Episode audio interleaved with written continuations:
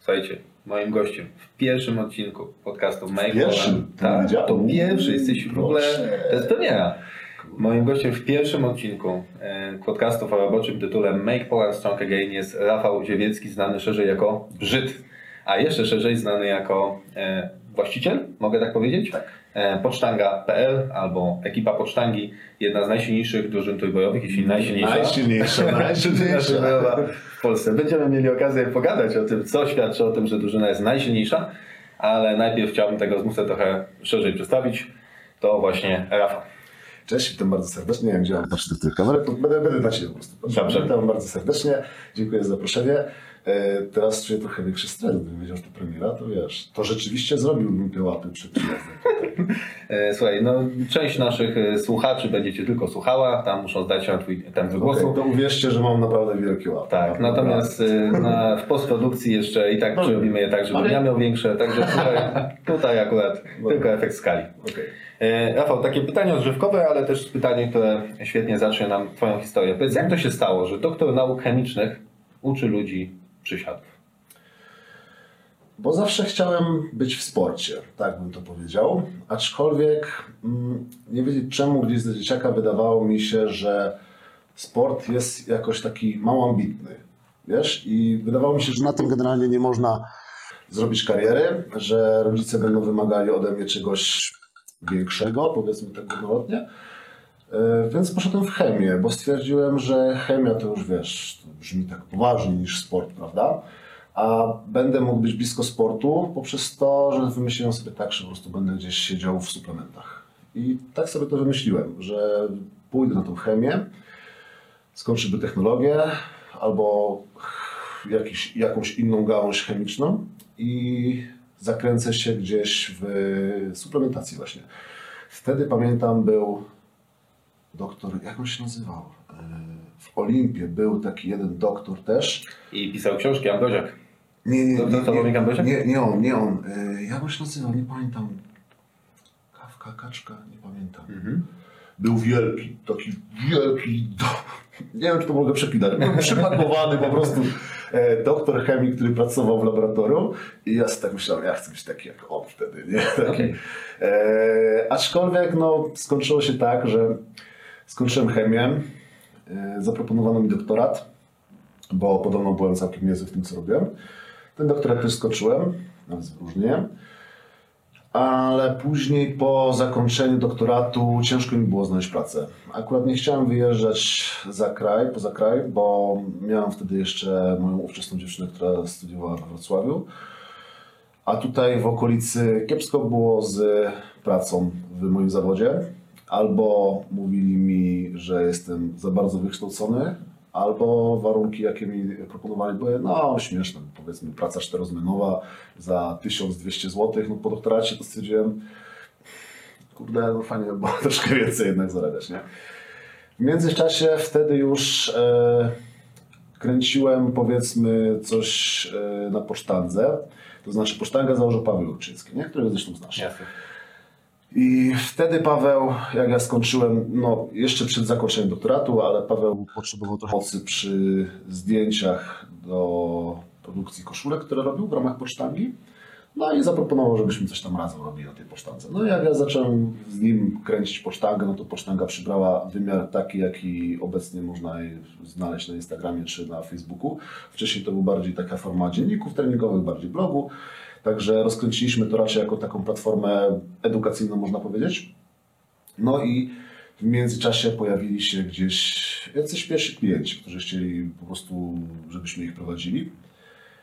I dawało mi to naprawdę masę satysfakcji, wiesz? Powiem Ci, że wtedy dopiero zacząłem pracować i uczyć się z chęcią, mimo że wcześniej 11 lat się uczyłem, to ta nauka była taka trochę przymusowa. Czułem, że po prostu powinienem się uczyć, a nie tak, że chcę rzeczywiście to robić. I jak znalazłem to, powiedzmy, coś, co mnie naprawdę kręciło, czyli sport, czyli trójbój siłowy, który w sumie robiłem wcześniej już, ale tutaj jak chciałem zacząć prowadzić ludzi i być trenerem, powiedzmy, to musiałem się dokształcić. No to ten backstyl mnie po prostu tak się zasiedlił, że no siedziałem wieczorami, po prostu uczyłem się, czytałem różne książki i pierwsze w życiu robiłem to z chęcią, najzwyczajniej na świecie. I Koniec końców byłem na takim etapie, że skończyłem ten doktorat. Na chwilę obecną nie miałem żadnej pracy poza bramką, ale powiedzmy to tam e, nie można tego nazwać jakąś poważną pracą. I no byłem trochę na takim rozdrożu, ale jednocześnie, mm, bo nie wiedziałem, czy iść tutaj w stronę tej chemii i nauki, czy pocisnąć troszkę bardziej moją pasję, jakim właśnie wtedy były, się stawał coraz bardziej trójbój siłowy. Ale stwierdziłem, że daje mi to tyle fanu, taką, tyle satysfakcji po prostu i jest to dla mnie na tyle ciekawe, że stwierdziłem, że po prostu ok, spróbuję. Najwyżej, jeżeli mi się nie uda, no to wezmę powiedzmy rok macierzyńskiego, nic się nie stanie. Jeżeli kobiety mogą urodzić dziecko i wrócić po roku, dwóch y, do pracy i jest ok, no to dlaczego ja bym nie miał dać szansy samemu sobie po prostu i zrealizować tego, co naprawdę mnie w tym momencie bardzo jarało. No i już po pół roku, czy po paru miesiącach stwierdziłem, że nie ma bata, nie, nie wracam do chemii. Nie? To po prostu była przygoda gdzieś z tą uczelnią, jak się okazało, ale to jestem teraz w tym momencie, w którym chcę być, no i jestem w tym momencie nadal. Nie? No, Fajna historia.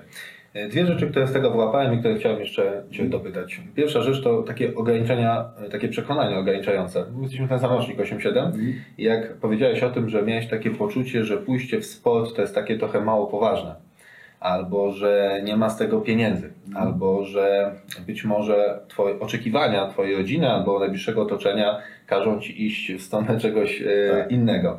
To ciekawe, co powiedziałeś, bo faktycznie myślę, że w momencie, kiedy decydowałeś nasze e, te drogi życiowe, kiedy musieliśmy podejmować decyzje dotyczące edukacji, dalszych kroków, to faktycznie można powiedzieć, że e, w ogóle siłownia i, i wszystko, co z nią związane, to raczej było traktowane tak z przymurzeniem Jeszcze oka. w tamtych czasach, w tamtych czasach na siłowni mogłeś albo być koksem, ale i w sumie tyle. Nie? I nie, można, nie, nie było żadnej innej drogi. Jak szedłeś na siłownię, to najczęściej albo żeby zrzucić trochę, albo chciałeś być koksem. Nie? Teraz jest no, możliwości absolutnie mnóstwo, bo możesz trenować coś, możesz być trenerem personalnym, co wtedy w ogóle takiej opcji nie było. Trenerem siłowym, wtedy też w ogóle czegoś takiego nie było. No w ogóle rzeczywiście ta siłownia w tym momencie daje ci jakieś możliwości zarobku, a wtedy to było tylko i wyłącznie hobby. No bo nawet jeżeli się szło gdzieś na jakiś AWF, AWF średnio był powiązany z siłownią, powiedzmy. Wcale. No. Wcale. Ja powiedziałbym, powiedziałbym, że nawet teraz, mimo tego, że to wychodzi trochę oddolnie i ta oferta edukacyjna dla trenerów pochodzi raczej właśnie ze świata fitnessu, e, AWF-y na tym absolutnie nie nadążają i mimo próby adresowania części swoich usług albo oferty szkoleniowej właśnie dla trenerów, trenerów przygotowania siłowego, e, to, to działa z dużym opóźnieniem. I mimo tego, że teraz bardzo duża część studentów AWF-u, myślę, że jakbyśmy poszli teraz na pierwszy, drugi rok dowolnej uczelni wychowania fizycznego, to duża część tamtych studentów już pracuje w zawodzie trenera albo działa dookoła tego, a mimo to jest niewielka oferta edukacyjna dla nich. Także myślę, że tutaj e, masz, masz dużo racji, że jednak e, wychowanie fizyczne i ta oferta akademicka w Polsce jest bardziej kierowana do świata sportu profesjonalnego, ewentualnie rehabilitacji fizjoterapii. Tak, tak. Zresztą no, moja matka, co, co jest ciekawe, bo moja matka jest y, po rehabilitacji, nie?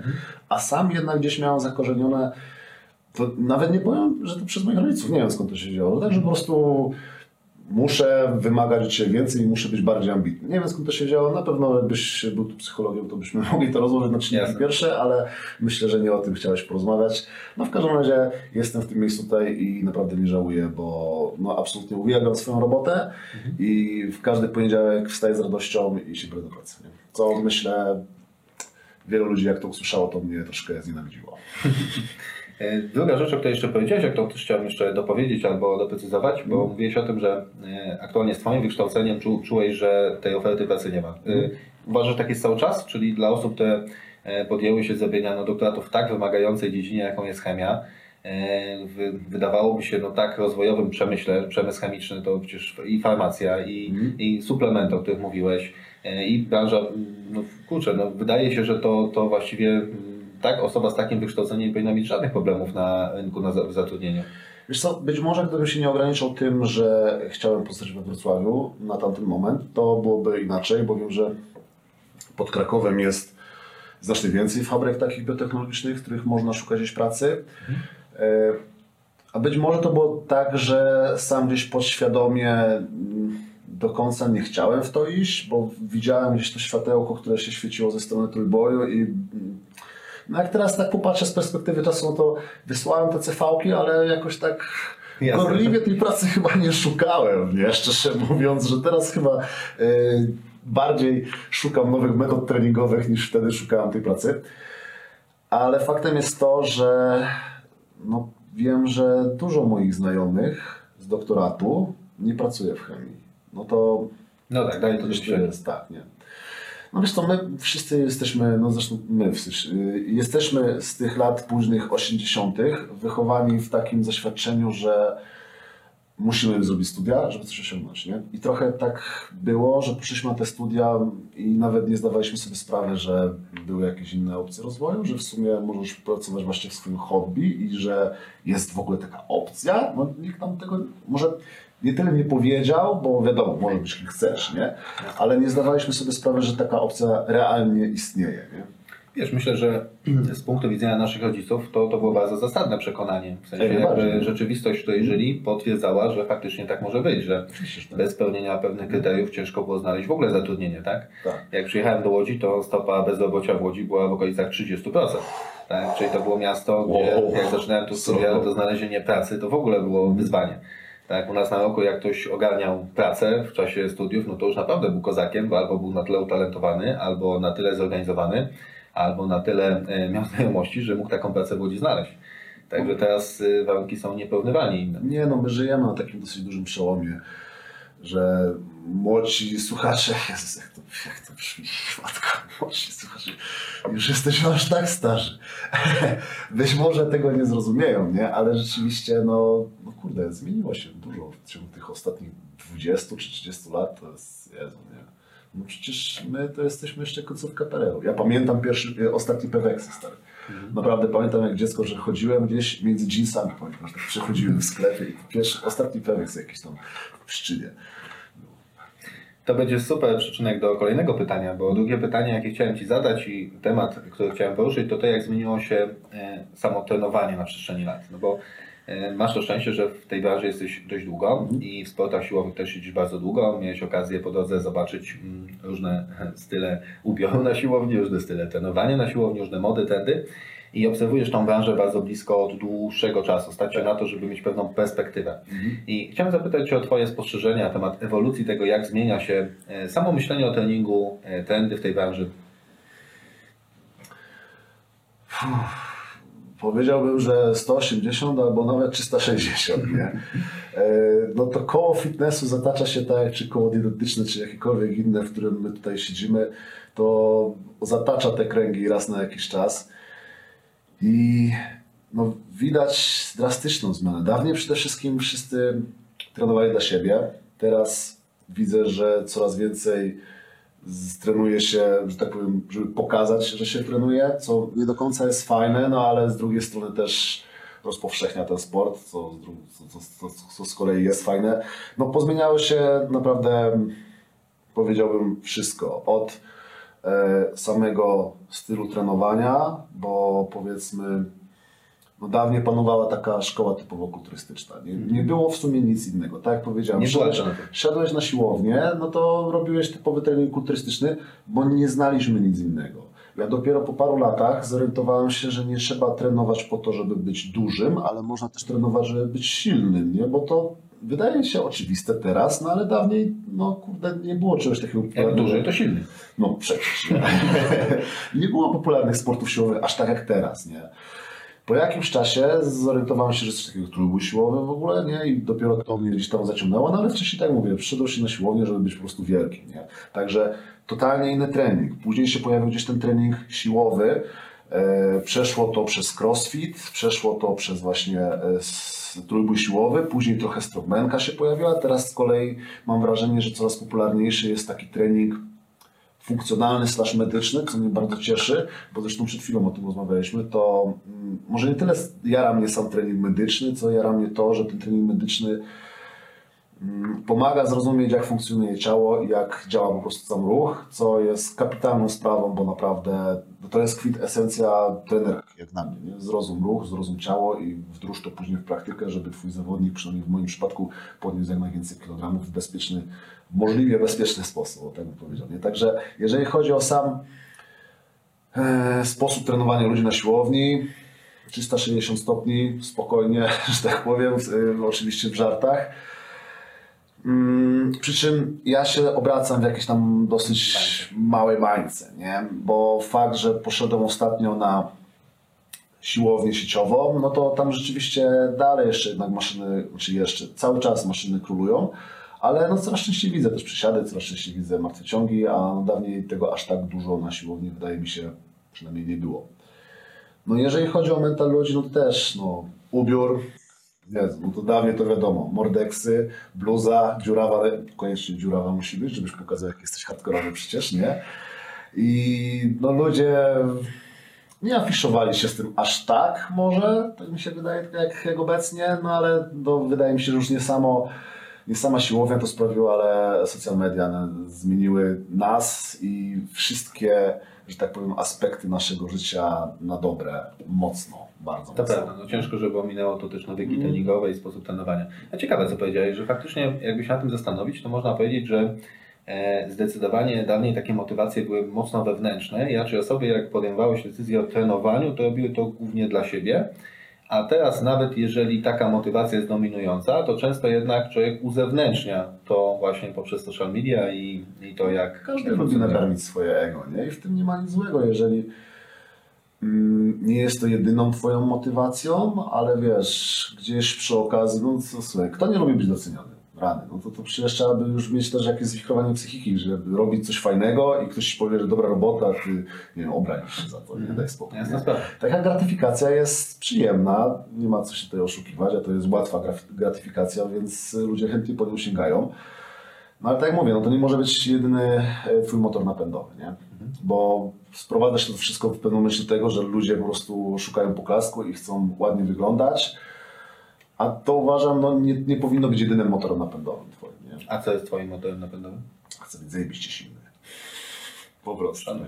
Po prostu, tak. No ja z, y, silnym i przy okazji możliwie sprawnym. Może tak, nie? Nie będę ukrywać, że, jestem, że nie jestem jakimś demonem sprawności, no bo nie czarujmy, no jestem, jestem trójboistą, no ale wiesz, przysiadam jednej nocy zrobię, e, pod ścianą na rękach stanę i jakieś tam, nie jestem też niemobilny jakiś, po górach chodzę, skaczę, biegam, nic mnie mniej więcej nie boli na co dzień, powiedzmy mniej więcej, no bo jednak jestem powiedzmy Zawodnikiem dużo sportowcem w miarę zawodowym i jestem w treningu teraz mocnym, to no, każdy trenujący zawodowo sportowiec jest cały czas w jakimś bólu powiedzmy, no ale nie uważam się za kalekę, nie? A wiem, że w pewnym momencie było też taki moment w trójboju, że ci trójboiści byli niesprawni, no to Ja myślę, że dalej tak jest, że jest bardzo dużo trójboistów, którzy w takiej szerokim pojęciu sprawności mogliby e, uchodzić za osoby niesprawne. tak, no to na sportowca, nie?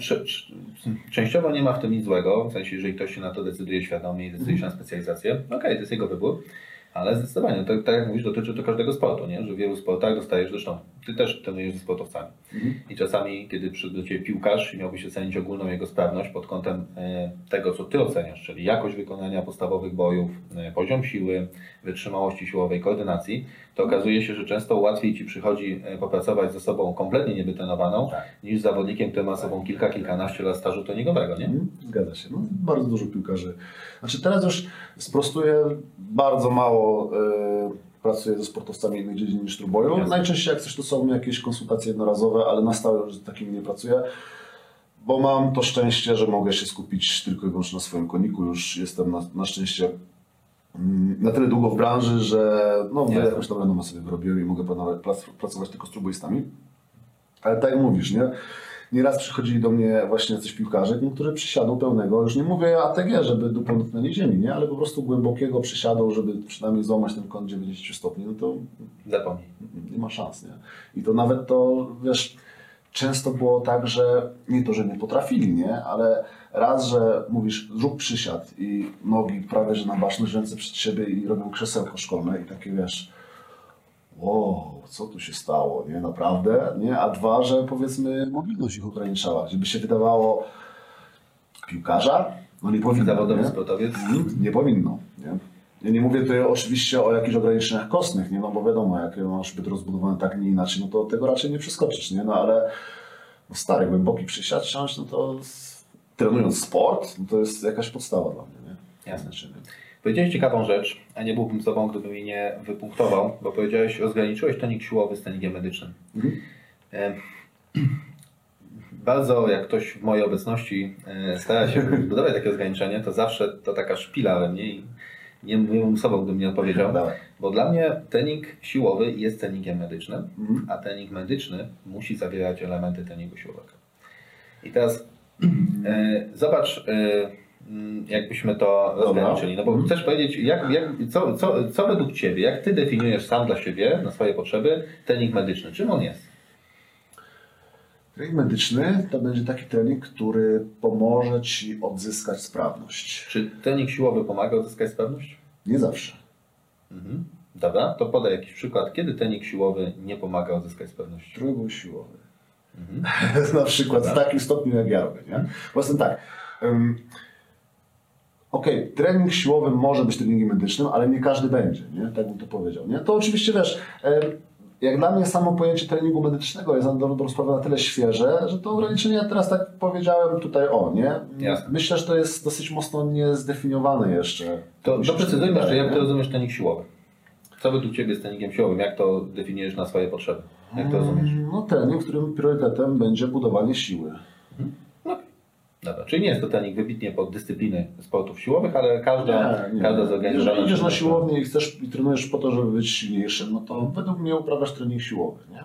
Ale jeżeli idziesz na siłownię, bo boli cię powiedzmy bark i chcesz wykonać ćwiczenia, które ci pomogą w tym, żeby ten bark nie bolał, no to uskuteczniasz trening też w sumie można powiedzieć na, na, na maszynach czy na, na, na wolnym ciężarze, no ale nie będzie tutaj celem zbudowanie siły, tylko to odzyskanie sprawności. Nie?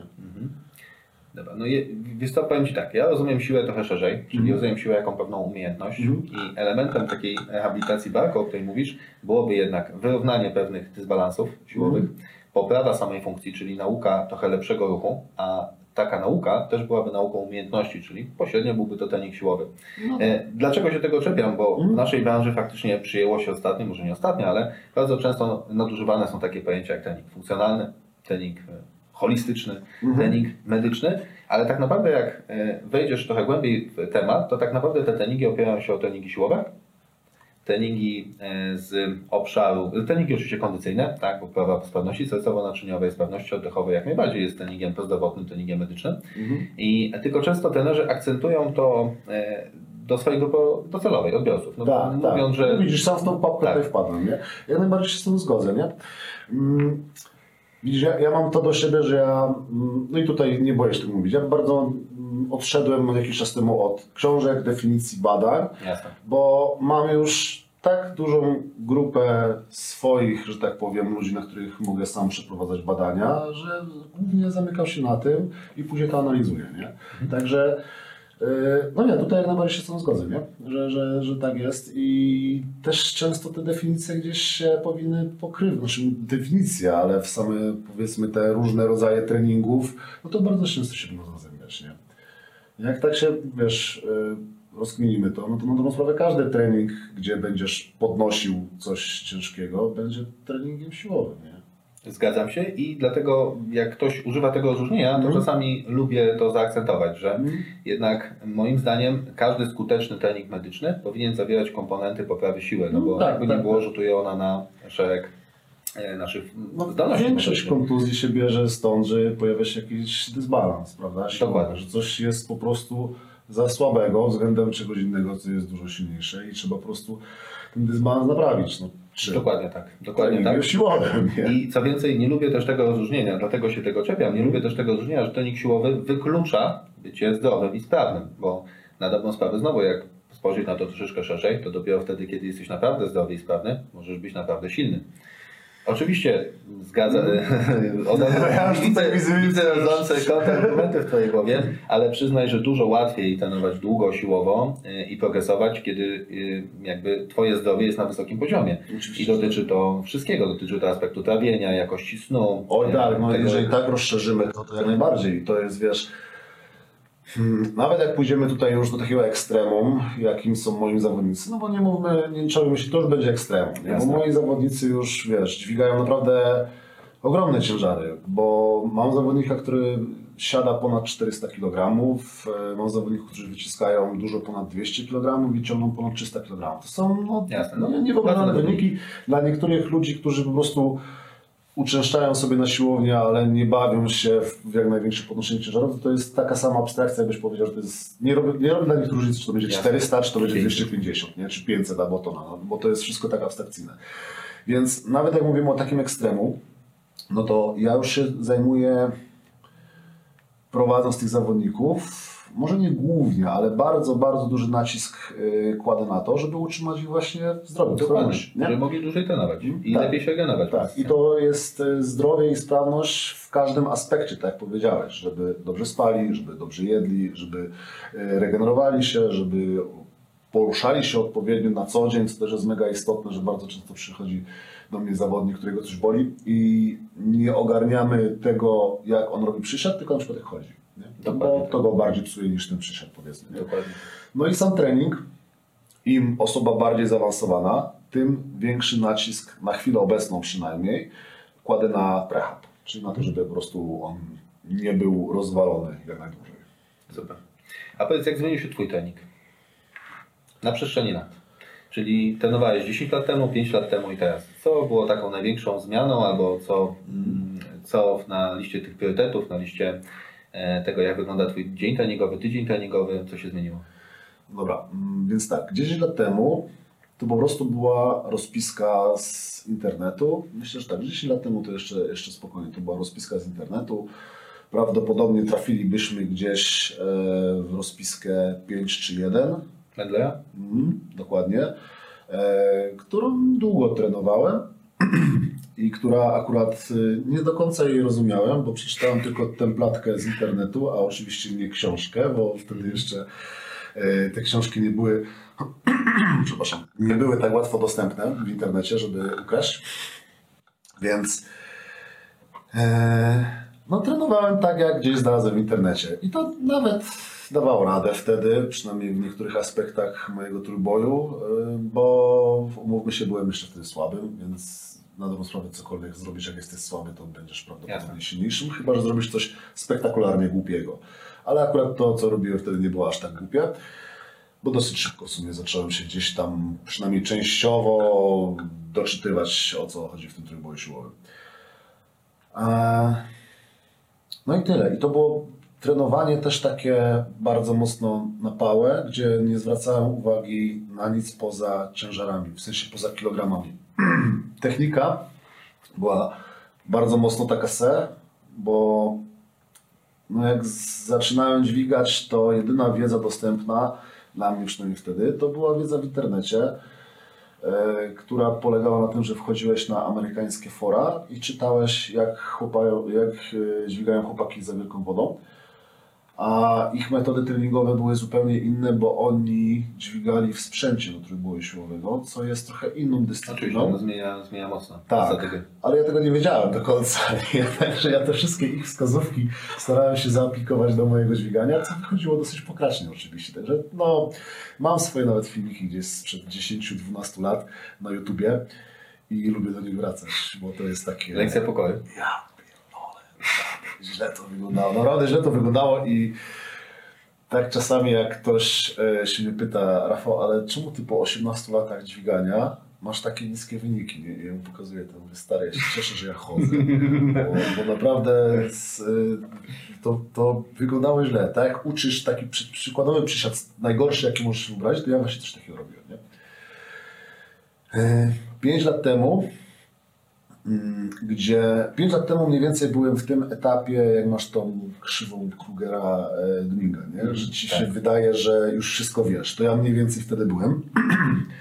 Więc w moim treningu było mnóstwo różnych rzeczy nawalonych, które wydawało mi się, że potrzebuję. Tu na taką grupę mięśniową, tu na taką grupę mięśniową. Tutaj znalazłem coś w internecie i mówię, o to jest to, to ja to potrzebuję. To też to wrzuciłem do swojego treningowego. bo Było tego dużo za dużo i dużo rzeczy, które błędnie gdzieś wy- wyciągnąłem wniosek, że powinienem robić, bo nie do końca rozumiałem swoje ciało i no przede wszystkim ten trening był przeładowany. To, to bym powiedział. Było już więcej ogłady w tych moich ruchach, gdzieś powoli zaczynałem szukać odpowiedniej drogi, ale byłem tu tak gdzieś dzwoniło, ale z tamtej czy z tamtej strony nie byłem pewien, więc poszedłem tam. Na, tej, na takiej zasadzie. Yy, I to była powiedzmy gdzieś taka przed początkiem tego, jak chciałem być trenerem. To jest też, to jest też ciekawe, w jakim momencie zacząłem być trenerem. Nie? ja tego się teraz, wiesz, te, teraz już się tego nie wstydzę, nie? bo już wydaje mi się, że jestem na tyle kumatym trenerem, że mogę się z tego śmiać, nie? ale jak ja zaczynałem być trenerem trybu siłowego, to bardzo możliwe, że niektórym osobom bardziej szkodziłem niż pomagałem, nie? Co mm, no nie jest powodem do dumy, aczkolwiek tak było, umówmy się. Znaczy wiesz, ta refleksja jest bardzo odważna, ale Mhm. wydaje mi się, że ciężko znaleźć trenera, który nie ma podobnych przemyśleń. To znaczy na przestrzeni życia zmieniamy to, jak postępujemy, zmieniamy to, jak działamy, e, zmienia się nasza wiedza, nasze umiejętności. Więc myślę, że każdy z nas ma na swoim koncie e, takie momenty, czy takie strategie treningowe, czy takie zachowania, które być może tym zawodnikom e, nie były dla nich najbardziej optymalne w danym momencie. No ale na tamte czasy to była najlepsza wiedza i umiejętności, jakie miałeś. Wiesz co, jeszcze też inna sprawa, że wtedy nie było prawie w ogóle konkurencji na rynku trójboju w Polsce. Byliśmy my i byli barbersi, nie? Pamiętasz barbersi Tak. zresztą na pewno, nie? I na dobrą sprawę, no oni wtedy szli trochę podobnie do nas, więc nam się wydawało, okej, no to chyba jeżeli jedyni konkurenci robią to samo co my, albo prawie to samo, więc chyba jedziemy dobrą ścieżką, nie? No okazało się, że jednak nie, ale teraz to widzę z perspektywy dużo bardziej doświadczonego człowieka, e, który przeczytał więcej książek, porozmawiał z większą ilością większą ilością trenerów, no i przede wszystkim doszedł do dużo większej ilości zakamarków w tej drodze, wrócił i zrozumiał, że to nie było koniecznie, e, nie był odpowiedni kierunek, do któ- którym podążałem. No i teraz, teraz wydaje mi się, że e, to też się zmieniło pod kątem tego, że jestem po prostu starszą osobą. To jest pierwsza sprawa. E, dużo bardziej zajętą osobą, no bo prowadzę, no jakby już nie było poważny biznes, zatrudniam kilka co najmniej osób, to zajmuje sporo czasu, dużo stresu nakłada oczywiście, więc jest zdecydowanie większy nacisk na regenerację w moim treningu i na prechach właśnie, nie? na to, żeby moje ciało było sprawne najzwyczajniej na świecie. I co ciekawe, no, po przetrenowaniu już tylu lat, no to ja mogę sobie spokojnie odejść od tej specyfiki sportu na jakiś czas, albo nawet po prostu nie, nie tyle odchodząc, to co zmniejszyć specyfikę swojego tre- tre- treningu. I moje ciało naprawdę doskonale na to reaguje. W sensie siła idzie do przodu, a ja się czuję po prostu Świeży. tak. Nie? To jak często teraz trenujesz? W ujęciu tygodniowym? Trzy razy w tygodniu. Trzy razy w tygodniu. I tyle to jest optimum, żebyś się generował i jednocześnie progresował. Tak, tak. I na przykład w poniedziałek to ja robię po singlu w siadzie, w przysiadzie i w martwym ciągu. Lekko plecy, brzuch i aktualnie jeszcze łydki robię, bo chcę sprawdzić parę rzeczy, które, o których powiem bardzo chętnie zresztą na konferencji. To może tutaj nie będę zdradzał wszystkiego, ale już jakiś tam przedsmak macie. I to jest tyle, nie? I to na dobrą sprawę i tak generuje na tak, tak duże obciążenie mojego ciała, no bo jak tutaj mówię o singlach, no dobra, ale operuję na ciężarach powiedzmy tam 200 czy 300 kg, no to wystarcza w zupełności, nie? Że, Zgadzam się. no, I za tydzień udaje mi się dołożyć, także... Zgadzam się. Moje spostrzeżenia są bardzo podobne. Im bardziej zaawansowaną osobą trenuję, tym bardziej widzę, że najwięcej możemy osiągnąć zmniejszając mocno objętość Mhm. Kosztem intensywności. Tak. Ale do tego też trzeba dorosnąć i mieć e, odwagę jako trener, nie? Bo robisz coś, co działa i nagle musisz zrobić coś innego, mimo że tam to działało, nie? I to jest takie, wiesz, nie? No trzeba mieć trochę odwagi do tego, nie? Naprawdę. I wiedzieć, w którym momencie to zrobić, bo to też nie jest takie hopsiu. nie? Czyli Twoja ewolucja jako zawodnika dalej przebiega i jak myślisz, jak będzie wyglądał trening za 5 lat?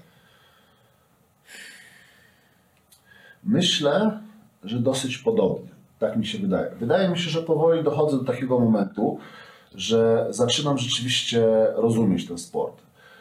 Bo coraz mniej kontuzji mają moi zawodnicy, idąc po coraz wyższe zawodniki, yy, po coraz wyższe wyniki. Nie?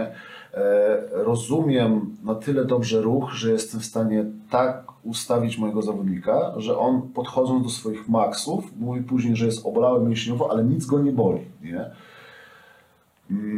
Także coraz lepiej rozumiem ruch, trening wydaje mi się, że też już rozumiem o tyle dobrze, że jestem w stanie mm, odpowiednio zaprogramować zawodnika, który powiedzmy robi 950 kg w totalu, co już jest powiedzmy no, takim wynikiem niemalże światowym. I co ciekawe, zaczynam teraz rozumieć wskazówki tych zajebistych coachy, których słuchałem, e, jak zaczynałem trenować. Nie? Czyli mówimy tutaj o Louis Simonsie, o David Tate, Wedlerze, czy o kimkolwiek. To teraz dopiero to zaczynam rozumieć, o czym mówili. I to jest mega ciekawe, że jeżeli ktoś rzeczywiście jest doświadczonym trenerem, to niech sobie wróci do tych filmików treningowych, które je słuchał 5-10 lat temu, i kiedy wydawało mi się, że to rozumie, i to Jasne. jest nagle takie, o kurde, teraz to kumam dopiero, nie? I wydaje mi się, że powoli dochodzę do takiego fajnego momentu, gdzie e, mogę przestać się powoli uczyć, a zacząć też trochę eksperymentować ze swoimi ludźmi i sprawdzać własne metody, co jest kapitalną sprawą, aczkolwiek, tak powiedziałem, wydaje mi się, że e, no może to będzie trochę na dwie rozpowiedziane, ale mam nadzieję, że za te parę lat mój trening nie będzie się aż tak różnił. Jasne. Ale postrzegasz siebie dalej jako zawodnika. Czyli Tak. ten cel tego treningu to nie jest tylko nie wiem, podtrzymanie tego, co Nie, robisz, nie, tylko dalej widzisz siebie w procesie i, i, i chciałbyś widzieć siebie na pomoście i dalej widzisz siebie jako zawodnika, który realizuje, tak? Tak jest. W tym miesiącu zrobiłem życiówkę w siadzie. Nie? Pięknie. Pochwalisz się ile? 265. Ekstra. Eee, A no miałem, miałem taki dosyć os- os- okres ciężki w ostatnich dwóch latach, bo raz, że firma troszkę mi robiła problemów, miałem trochę tam problemów e, zdrowotnych, nie? Także przez ostatnie 2-3 lata na dobrą sprawę ten mój trening wyglądał mocno tak se. I na dobrą sprawę na początku tego roku mogłem w końcu wrócić do ciężkiego trenowania i daje mi to jest tyle satysfakcji, że po prostu sobie biorę w tym roku jak najmniej obciążenia, że tak powiem, biznesowego. Mam nadzieję wrócić na pomost i powiem Ci, że im więcej dźwigam, tym lepszym jestem trenerem też. I widzę, że trenerzy, którzy razem ze mną kiedyś y, w tym siedzieli, ale przestali dźwigać i są po prostu dalej trenerami, nie idą do przodu. Nie polepszają techniki swoich, rzeczy, swoich mm, zawodników i po prostu nie szukają nowych rzeczy najzwyczajniej na świecie, no bo nie czują tego ruchu nie? już tak. Wydaje im się, że rozumieją ten ruch, ale no to zrozumienie nie jest ta, wiesz, co innego jest wiedzieć, co innego jest czuć, nie? Ja się z Tobą zgodzę i uważam też, że to, że jesteś e, właśnie w tym procesie, żyjesz tą wiem, branżą, dyscypliną, e, śledzisz innych zawodników, obserwujesz co się dzieje, jeździsz na zawody, aktywnie się w to angażujesz, to też zwiększa Twoje zaangażowanie w proces jako, e, jako tenera. Mnie to cały czas tak samo jara jak zacząłem, nie? A, a nawet nie wiem, czy nie bardziej, szczerze mówiąc, nie? To powiedz jeszcze, kiedy najbliższy start. W czerwcu. W czerwcu. Chociaż e, na pewno się tym nie będę, nie ukrywam tego, ale też nie chcę się tym chwalić, bo bardzo chcę, żeby to po prostu było dla mnie. Start dla Ciebie. Tak, bo ostatni start, e, ostatni start to był, był w takim moim mrocznym momencie, powiedzmy, kiedy e, akurat miałem problemy zdrowotne i chciałem się tak sobie coś udowodnić. Wychodząc z takiego lekkiego dołka zdrowotnego, chciałem sobie coś udowodnić na tych zawodach. No i zazwyczaj jak to wiesz, coś musisz sobie udowodnić, ta motywacja nie idzie stąd skąd trzeba. E, wsiady czy szybkie poszły, czyli spaliłem za głębokość i, i źle to wspominam, ale też tam czułem duż, dużą presję, jako że pocztanga się powoli robiła duża. Wiedziałem, że tam oczy niektórych patrzą na mnie nie do końca przychylnie, także teraz po prostu chcę jechać i zrobić to dla siebie i dobrze się bawić przede wszystkim. Ja wiem, że to może brzmieć jak, jako frazes, nie, ale chcę po prostu czerpać e, przyjemność z tego, że jestem znowu na pomoście i robię to, co kocham po prostu. nie? Super. Wspomniałeś już trochę o historii samej ekipy pocztanga.pl. Jeśli mogę dopytać i dla słuchaczy, i dla samego siebie, e, jak ten projekt rozwijał się na przestrzeni czasu? E, Jak go widzisz teraz? Jak widzisz go za 5 lat? Więc zaczęło się, tak jak powiedziałem, zaczął projekt Paweł Ruczyński, który wtedy prowadził go w formie dzienniku treningowego slash bloga. Po tym jak ja dołączyłem, chyba po dwóch latach, tak mi się wydaje, yy, zaczęliśmy po prostu uczyć ludzi, aczkolwiek robiliśmy to po prostu, bo czuliśmy taką potrzebę serca, można tak powiedzieć, że zawsze gdzieś tam lubiliśmy uczyć ludzi. Wcześniej e, poznaliśmy się z Pawłem na forum internetowym, gdzie też e, moderowaliśmy jakąś tam grupę e, podnoszenia ciężarów, czy może inaczej trójboju siłowego, bo żeby tutaj ludzie nie mylili z dwubojem olimpijskim. Mm, No i przez dłuższy okres tak to właśnie wyglądało, że my po prostu dzieliliśmy się wiedzą, dzieliliśmy się tym, jak obecnie patrzymy na ten trójbój siłowy, yy, wrzucaliśmy sami jakieś swoje przemyślenia, zawsze mieliśmy taki dryk trochę no, trenerski, bo jak to go inaczej nazwać. Albo dziennikarski. No, może trochę też, może trochę też. E, No i tak jak powiedziałem, po jakimś czasie za, zaczęli się do nas dołączyć ludzie, chętni, żebyśmy pomogli im dźwigać więcej. No i na dobrą sprawę tak to sobie rośnie cały czas. E, Gdzieś po drodze zaczęliśmy jeździć na pierwsze szkolenia, chociaż w ogóle to nie było mm, w naszych głowach na samym początku tego, jak tworzyliśmy, bo to w ogóle to, jest typowy projekt zrobiony z pasji. Nie? My w ogóle nie myśleliśmy, żeby na tym zarabiać w jakikolwiek sposób. My po prostu robiliśmy to, bo, bo mega nam się to podobało. Ale gdzieś prędzej czy później jakiś znajomy chyba poprosił nas, żebyśmy przyjechali na szkolenie do niego. Ja pamiętam, jak teraz jechaliśmy do Zgorzelca wtedy. Yy, I tam na jakimś małym boksie crossfitowym robiliśmy szkolenie z trójboju i pamiętam, że zarobiliśmy tam łącznie 2400, nie? po 1200 na twarz. Jak ja bez rady? Ile to było pieniędzy wtedy? Ja pamiętam, że wracałem, to robiłem zdjęcie hajsu, wysyłałem mojej obecnej żonie, nie? Wysyłałem, może napaliśmy pieniędzy, nie? Normalnie taki miał świst kasy. E, no i tak to sobie powoli rosło wtedy, że zaczęliśmy gdzieś jeździć na szkolenia, no bo e, było to całkiem przyjemne źródło zarobku. Nie dość, że ludzie byli zadowoleni z tego, co my robimy, no to dla nas to jeszcze była całkiem fajna kasa i po prostu nas to mega bawiło, że mogliśmy po prostu pracować z ludźmi. Mm. No w międzyczasie e, Pocztanga się stała drużyną sportową, po prostu, znaczy sportową, no sportową, że e, coraz więcej ludzi nas przyłączało, jeździliśmy już na konkretne zawody, niektóre zawody gdzieś tam powoli zaczęliśmy nawet wygrywać, także e, także tak to się w międzyczasie gdzieś rozrosło i wyszła pandemia, nie? Znaczy wyszła, wybuchła pandemia, czyli 2020, tak? Dobrze mówię, 2020, bo pandemia się rozpoczęła. Chociaż nie wiem, czy to można mówić na głos, żeby YouTube nie zbanował zasięgów. Mam nadzieję, że, że tak, że nie będzie. I wtedy pamiętam, to był taki moment, że się wprowadziłem do swojego e, mieszkania, które kupiliśmy na kredyt oczywiście. E, Wyskoczyła ta pandemia, zamknęli siłownię, nie było jak zarabiać. Na koncie miałem 3000 nie? i kredyt. I let's play the game. Tak, no właśnie. No to wiesz, szybka kmina, co tu robić. E, otworzyliśmy platformę, w sensie szkoleniową, zaskoczenie pocztanga.pl i zaczęliśmy robić kursy internetowe. No i na dobrą sprawę tak jest do teraz. Zresztą sam e, u nas nagrałeś street lifting i, i wiesz jak to wygląda, także e, do tej pory gdzieś tutaj dzielimy się tą wiedzą, czy to naszą, czy innych, czy innych trenerów. I tak sobie to rośnie cały czas. W międzyczasie się pojawiło konto na, e, na Instagramie, gdzieś na TikToku nawet. e, Mimo, że ten TikTok na początku wydawał mi się śmiesznym jakimś social medium, aczkolwiek koniec końców już jest takim samym jak każdy inny. No i rośnie po prostu. Dokąd dojdzie? Mm, Nie, nie, nie prowadzę biznesu w, że tak powiem, zgodnie ze sztuką prowadzenia biznesu, bo ja wiem, że powinno się mieć cele za tam 5, 10, 15 lat. Kiedyś miałem takie plany, gdzie bym chciał, żeby to wyglądać. Życie je zweryfikowało, bo chciałem zatrudnić trenerów w międzyczasie, aczkolwiek e, ciężko mi było ogarnąć uczciwych trenerów na tyle, żeby robili uczciwą pracę i nie trzeba ich było pilnować. Zatrudnienie trenerów się okazało naprawdę bardzo problematyczne, bo mm, trzeba ich pilnować. Nie? Ale trenerów mówisz do pracy online, czy trenerów Trenerów do pracy online, ale trójboju siłowego. Nie? I każdy aspekt, którym ja chciałem rozwinąć biznes, albo którym rozwijam cały czas, powoduje to, że muszę wkładać w to dużo nowej energii. A ja cały czas chcę być trenerem i zawodnikiem.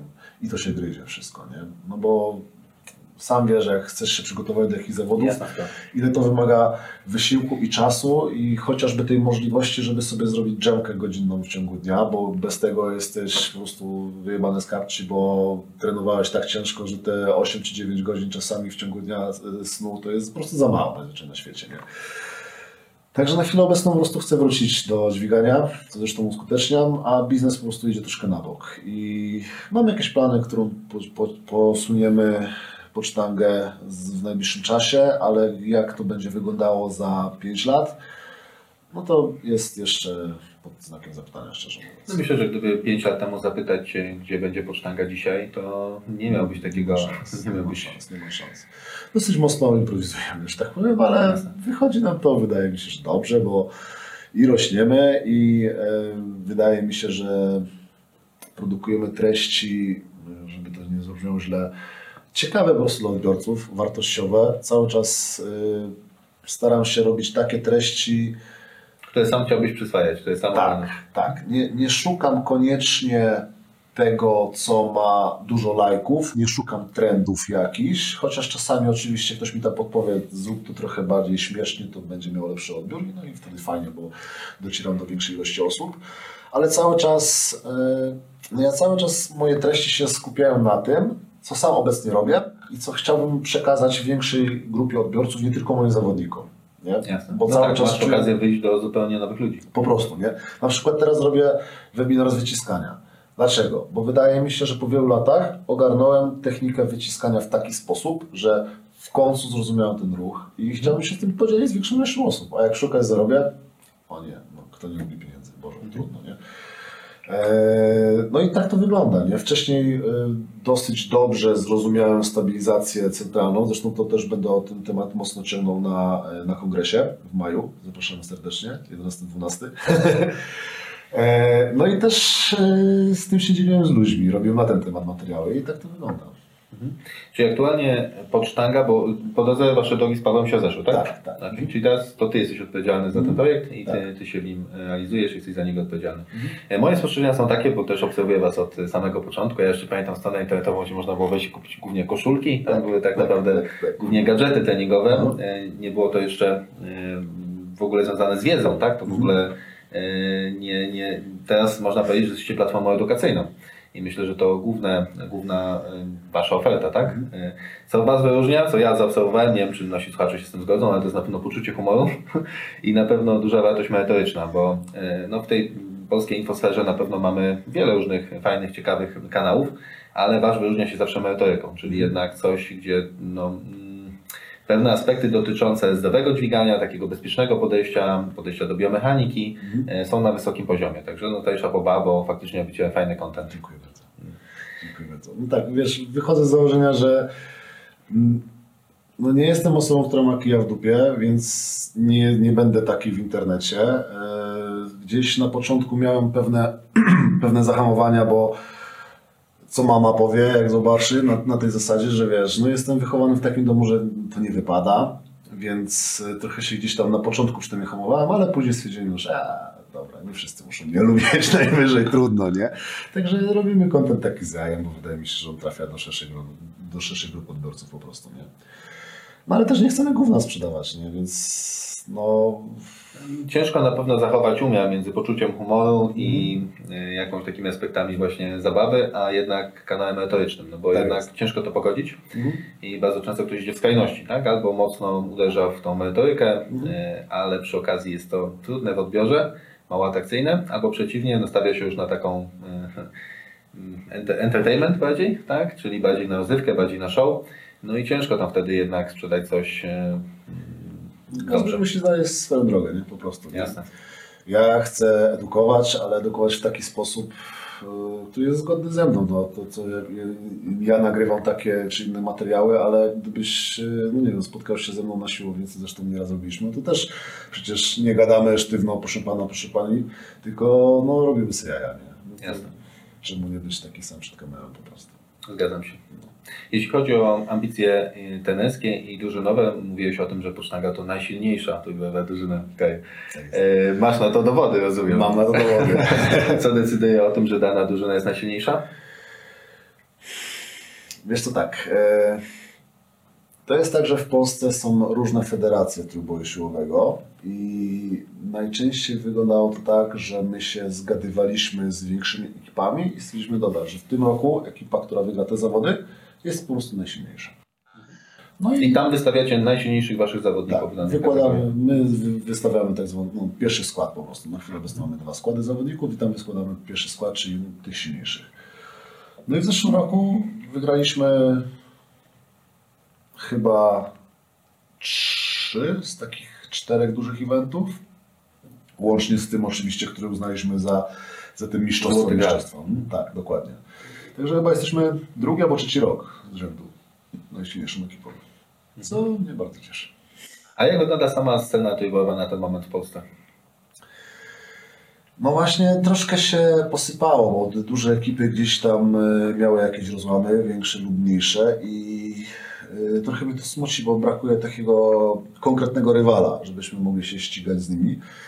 E, Jest parę takich mniejszych, silnych ekip, bo czy tutaj e, mamy Tybory przecież w Łodzi, e, mamy ekipę Końdźwiga, mamy też parę ekip takich wrocławskich, no i gonią nas powolutku, ale generalnie Brakuje, wydaje mi się, kogoś, kto by zebrał takiego mocnego charakteru, który by zebrał po prostu ludzi, którzy chcą dźwigać, bo jest bardzo duży potencjał do tego, żeby po prostu rozwinąć coś jeszcze, bo to podwórko jest naprawdę bardzo duże i tutaj gdyby się trafił jakiś kumaty trener, to myślę, że myślę, że mógłby się fajnie realizować na tym, yy, na tym poziomie i przy okazji też fajnie zarobić, nie ukrywam.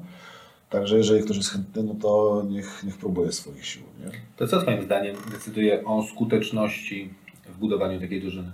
Wytrwałość. Wytrwałość. Wytrwałość i bycie normalnym człowiekiem przy tym, żeby po prostu nie robić afer, nie, nie robić żadnych gównobóż i trenować zawodnika po prostu, traktować zawodnika z szacunkiem najzwyczajniej na świecie. Ja znam wszystkich swoich zawodników yy, i wydaje mi się, że wszyscy z nich powiedzą, że nie są traktowani w jakikolwiek sposób przedmiotowo. W każdego z nich szanuję, znam ich problemy, staram się rozwiązać ich problemy, często nie takie związane ze sportami i to po prostu gdzieś owocuje tym, że ci zawodnicy są ze mną długo po prostu, a im dłużej zawodnik jest z trenerem, tym lepiej się pozna, tym łatwiej można mu pomóc, tym łatwiej można później go wyprogresować, prawda? Jeżeli jeszcze do tego jesteś na tyle kumatym trenerem, który właśnie rozumie ruch i potrafi naprawić swojego zawodnika, to ta wytrwałość zawsze za, zaowocuje tym, że zawodnik w perspektywie długoterminowej będzie silniejszy. Nie? Mierzysz u siebie taki poziom retencji albo to, jak długo zawodnicy trenują z Tobą? Nie, Nie nie, nie, ma, Mam paru takich zawodników, którzy są ze mną od samego początku dosłownie, ale nie mierzę tego aż tak, bo, yy, bo to nie jest dla mnie aż tak istotne, szczerze mówiąc, jak długo są ze mną. Bo część odchodzi z różnych przyczyn, na przykład yy, przestaje ich kręcić trójbój, część gdzieś tam się musi yy, skupić na jakichś tam innych aspektach życia. No, z niektórymi się po prostu nie dogadam jako Nie, osoba z osobą, bo to też jest istotne, że przecież e, no jest to jakaś dosyć zażyła relacja zawodnik-trener, przynajmniej uważam, że powinna być. I jeżeli, nie wiem, po okresie roku czy, półtoru, czy półtora dochodzimy do wniosku, że coś tam między nami nie klika, no to stary, nie mamy podpisanego cyrografu. Idź do kogoś, z kim się lepiej dogadasz. Ja też mam dosyć duże wymagania co do swoich zawodników, więc jeżeli ty ich nie spełniasz i ja się mam na ciebie irytować, a ty się masz irytować na mnie, że ja wymagam od ciebie jakichś pierdół, których ty nie chcesz mi dać, no to po co się szarpać, nie? Najzwyczajniej na świecie. Ja mam bardzo, bardzo podobne spostrzeżenia, to znaczy z perspektywy kilkunastu lat tej branży widzę, że te umiejętności miękkie w długim horyzoncie czasowym są dużo ważniejsze. Tak, tak, tak. Dużo ważniejsze. W I perspektywie długofalowej tak. patrząc na to chociażby tą stronę trójbojową, trochę z boku co prawda, bo ja nie, mo, nie postrzegam siebie jako zawodnika typowo trójboju. Ale trochę go tam liznąłeś. Tak, tak, ale bardzo lubię ten sport i też śledzę to, to środowisko w Polsce. To mogę powiedzieć, że właśnie to są te kompetencje, które w długim horyzoncie czasu dają naprawdę dobre rezultaty. Tak, tak, tak. No zresztą no, przykładem chociażby są e, z Barber Brothers, którzy się w sumie rozpadli, a zapowiadali się no przegenialnie. Przecież to była taka wspaniała konkurencja. Jezu, uwielbiałem ich. Nie? Mimo, że to byli nasi konkurenci, no to naprawdę marketing mieli prima sort. Nie? No przecież te ich reklamy, czy wszystkie jakieś filmiki, to kapitalnie się bawiłem to oglądając, no ale co, no nie dogadali się i tam były różne afery większe lub mniejsze i no skończyło się tak, że nie ma Marmelsów obecnie. nie? Tak, no ja też miałem przyjemność pracować z nimi i też bardzo wiele się od nich nauczyłem. Uważam też, że wnieśli bardzo dużo i świeżości i dużo wiedzy Tak, do no, tego, oni, tego oni zapoczątkowali po prostu ten, można powiedzieć, internetowy trójbój u nas, bo przed Marmelsami trójbój to były jedynie zawody. W internecie nic nie można było znać na ten? Czyli widzisz taką przestrzeń, że w świecie polskiego trójboju jest miejsce na duże, masa solidne ekipy Ja naprawdę... chciałbyś mieć wreszcie jakiś konkurent. Ja, tak? ja jestem tak zdziwiony, że nikt nie siada do tego stołu, żeby sobie odkroić kawałek tortu, bo już pomijając to, że tu się można realizować jako trener, uważam, że to jest fajny kawałek biznesu. No, wszyscy na czymś musimy zarabiać. Dlaczego nie zarabiać na swojej pasji? Nie? A tutaj naprawdę jest no, ogrom możliwości. Na chwilę obecną, jeżeli chodzi o sporty siłowe, tak żeby ktoś rzeczywiście tworzył jakieś treści merytoryczne w internecie, no to jest bardzo mało osób. Jak na prawie 40 milionowy kraj, no kurde, to jest, ile, ilu jest kulturystów przecież, którzy coś tworzą i powiedzmy takich kanałów e, o tym, jak zbudować dobrą sylwetkę. Jest tego dużo, dużo więcej niż, niż z zakresu treningu siłowego. Czemu? Nie mam bladego pojęcia. Nie wiem. Może ludzie twierdzą, że już się nie przebiją w tym, ale no każdy kiedy zaczynał, jeżeli będziesz wytrwały, no to po, po, powolutku, powolutku dojdziesz do tego celu swojego. A powiedz mi, nie masz takiego wrażenia, że Łódź i Wrocław to są dwa takie wybitnie mocne ośrodki, jeśli chodzi o tryby siłowe, albo w ogóle o scenę sportu siłowych? Są, chociaż teraz jeszcze bym powiedział, że Trójmiasto też do nich Tak? dołączyło. Mhm. Tak, że ostatnio tam też jest troszkę takich większych ekip. Ale tak, zdecydowanie. No, chociaż wydaje mi się, że mimo wszystko Wrocław tutaj rządzi. Że Wrocław to jest taka stolica trójboju. U nas jest tyle tych ekip, tyle takich e, nawet miejscówek trójbojowych, że no ciężko będzie, żeby to przebić w jakimś innym mieście. No słuchaj, to też e, fajnie się napędza, no bo jak macie dużą konkurencję, czyli jest dużo ekip, e, każda ekipa jest na wysokim poziomie, no to automatycznie ta konkurencja powoduje, że każdy chciałby być coraz lepszy. Tak? Ja mówię, ko- i dobra konkurencja jest, jest kapitanem to, utrenującym. to w, każdym, w, każdym, w każdym obszarze życia, jeżeli tej konkurencji nie ma, pojawia się stagnacja, no bo po co się starać, skoro właściwie nic nie można poprawić, człowiek jest już najlepszy, no to co tutaj robić, nie?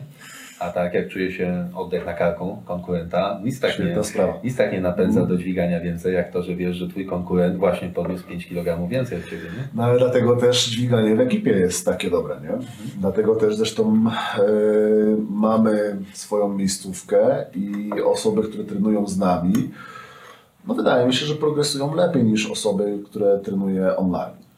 Stricte, tylko i wyłącznie, nie? No bo tutaj jednak przychodzisz, jeszcze jak widzisz, że gość, który przez całe życie był za twoimi plecami, nagle jest przed tobą, no to wkurwia, nie? no to dasz się trochę więcej przecież. I to się napędzi. I być może on coś znalazł fajnego i podpowie ci, co znalazł. Nie? Także też jest, widzisz, ja już mam ekipę na takim poziomie, że nieraz oni mi dadzą jakiegoś tipa, nie? Co dla mnie, jako dla trenera, Oczywiście. jest, było na początku ciężkie, bo wiesz, trzeba schować ego do kieszeni. Ale jak się z tym pogodzisz, to możesz tego naprawdę wiele Tak, bardzo dużo, bardzo dużo. I wiesz, w momencie, kiedy zaczęliśmy razem trenować, my teraz w czwórkę trenujemy, ja i trzech moich zawodników, no to ta nasza czwórka naprawdę bardzo mocno się pcha i widzę, że każdy na tym świetnie korzysta. Naprawdę. Czyli taka zdrowa męska rywalizacja. Tak.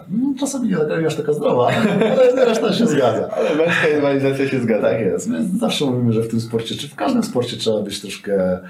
Yy, no, trzeba mieć takiego lekkiego wariata, nie? W głowie. To nie może być do końca zdrowe. Jeżeli chcesz iść po chory wynik, to nie może być w głowie zdrowy. nie? Jasne. E, Nawet dostałem taki kubek od Was w tym roku na święta. Mhm. E, Umiar jest data, dokładnie. Tak jest. E, tak. No to chyba może być to Twoja sentencja na ten moment, jeśli chodzi o tak, trening? tak, może być, może być, tak. No. Może nie jest to do końca zdrowe, ale tak jak powiedziałem, sport zawodowy nie jest zdrowy i my nie idziemy po zdrowiu, my idziemy po wynik. Dobra, no to wracając do biznesowego aspektu, bo to w sumie ciekawe to, co powiedziałeś. Mówiłeś o tym, że jest jakiś kawałek tortu, który można wykroić w świecie sportu siłowych. Jak oceniasz potencjał takiego e, trenera przygotowania siłowego? Ile dobry trener przygotowania siłowego zarabia w Polsce? I to jest ciekawe pytanie, bo, bo widzisz, mało jest osób, które to ogarniają tak jak ja. I myślę, że tutaj może być duża rozbieżność między takimi którzy, ludźmi, którzy tak jak ja, w sensie mam na myśli nie, że tak dobrze jak ja, tylko że którzy się zajmują tylko i wyłącznie tym. Jest Jasne. bardzo dużo trenerów, którzy robią to po prostu na drugi etat, można tak powiedzieć, albo na pół etatu, bo gdzieś pracują, a w wolnym czasie dorabiają sobie jako trener. I ciężko mi będzie odpowiedzieć na to pytanie, ale myślę, że gdyby ktoś yy, zajmował się tylko i wyłącznie tym, no to do dychy spokojnie może yy, wycią- wyciągnąć, parając się tylko prowadzeniem zawodników. Nie? Mhm. Czyli yy, nie prowadzi szkoleń nawet. Nie? Jasne. A jak prowadzi szkolenia, no to wiadomo, że więcej. Oczywiście też wszystko jest zależne od tego, ile tych zawodników ma, jakie ma stawki i tak dalej, i tak ale powiedzmy, że jeżeli ktoś jest w stanie przemielić, czy przemielić brzydkie słowo, jest w stanie e, prowadzić 40 zawodników, a no, jest w stanie to zrobić. Sam swojego czasu prowadziłem około 50 zawodników i to już było takie przytłaczające, to było za dużo. Około 40 to już powiedzmy dla mnie jest taki pełen etat. No i skasuję żadnego zawodnika teraz od 400 do 500 zł, czy tam powiedzmy od 350 do 450, w zależności od tego na jakim jesteś etapie rozwoju. Wiadomo, że im jesteś lepszy, tym tam trochę więcej kasujesz. No to kalkulację każdy sobie może zrobić, prawda? Jasne. Tak 40 razy 40, no to już będzie 16 tysięcy, odjedziemy już podatek i tak dalej, i tak dalej. No i wychodzi gdzieś koło dychy. nie? Ciekawe, co powiedziałeś, że pandemia była u Ciebie takim mocnym kopniakiem i takim punktem zwrotnym w też w Twoim myśleniu o tym, jak można zarabiać w tej branży. No i wtedy skierowałeś się w stronę branży online, tak? Y, Jeśli, wi- jak widzisz potencjał tej branży? Jak widzisz potencjał y, szkoleniowy w internecie? To jest taki kawałek chleba, który wydawało mi się, że ciężko, że nie do końca chwyci, bo no jednak to nie jest do końca takie, wiesz, musisz się nauczyć umiejętności posługiwania sztangi przed komputerem, nie? Co by się wydawało, że no, jest ciężkie i ludzie niekoniecznie do tego będą tak chętnie podchodzić. Aczkolwiek no, okazuje się, że ja się tego nauczyłem przez internet, no to dlaczego inni też by się mm, nie mogli tego w jakiś sposób nauczyć? I tu nawet nie chodzi o to, żeby ktoś powtórzył kropka w kropkę te swoje ruchy i zrozumiał idealnie na czym polega ruch, bo on i tak będzie musiał przepracować swoje, ale wiedząc na czym się ma skupić, dojdzie do tego docelowego miejsca dużo szybciej i bezpieczniej niż gdyby tego szkolenia rzeczywiście nie odbył. Także koniec końców okazało się, że w praktyce te szkolenia całkiem fajnie wychodzą. Ludzie są naprawdę zadowoleni. I, yy, no i wydaje mi się, że wciąż jest tutaj dosyć duże pole do popisu, bo jeżeli ktoś już się zaczyna szkolić w jakiejś dziedzinie, to to nie jest tak, że on zobaczy jedno szkolenie i stwierdzi, dobra, już mi starczy, już umiem. Nie? Ja sam do tej pory yy, co roku kupuję wiele szkoleń, znaczy w każdym roku kupuję sporo szkoleń i bardzo często te szkolenia się pokrywają w bardzo dużej mierze, ale nauczę się na przykład jednej nowej rzeczy. Dokładnie tak. Jak się nauczę jednej nowej rzeczy, to to było dobre szkolenie? I zgadzam się z Tobą w zupełności. Czasami warto się przejechać na weekend do kogoś i usłyszeć jedno zdanie, które pomoże Ci potem w pracy, pomoże Ci potem w własnym treningu. I tutaj uważam, że nawet mówienie o rzeczach oczywistych, podstawowych, ale innymi słowami, też potrafi wiele zmienić. Mhm. Pamiętam, że kiedyś e, ekipa Majka Tuczelera przyjechała do, do Wrocławia, amerykańskiego, e, amerykańskiego coacha. Ja byłem na tym szkoleniu z Tobą. O, no przecież. I, I tam chyba nie Mike, ale ten taki niski z brodą. Jezus, jak on się nazywa, nie To pamiętam. było na szkoleniu LTS. Tak, tak.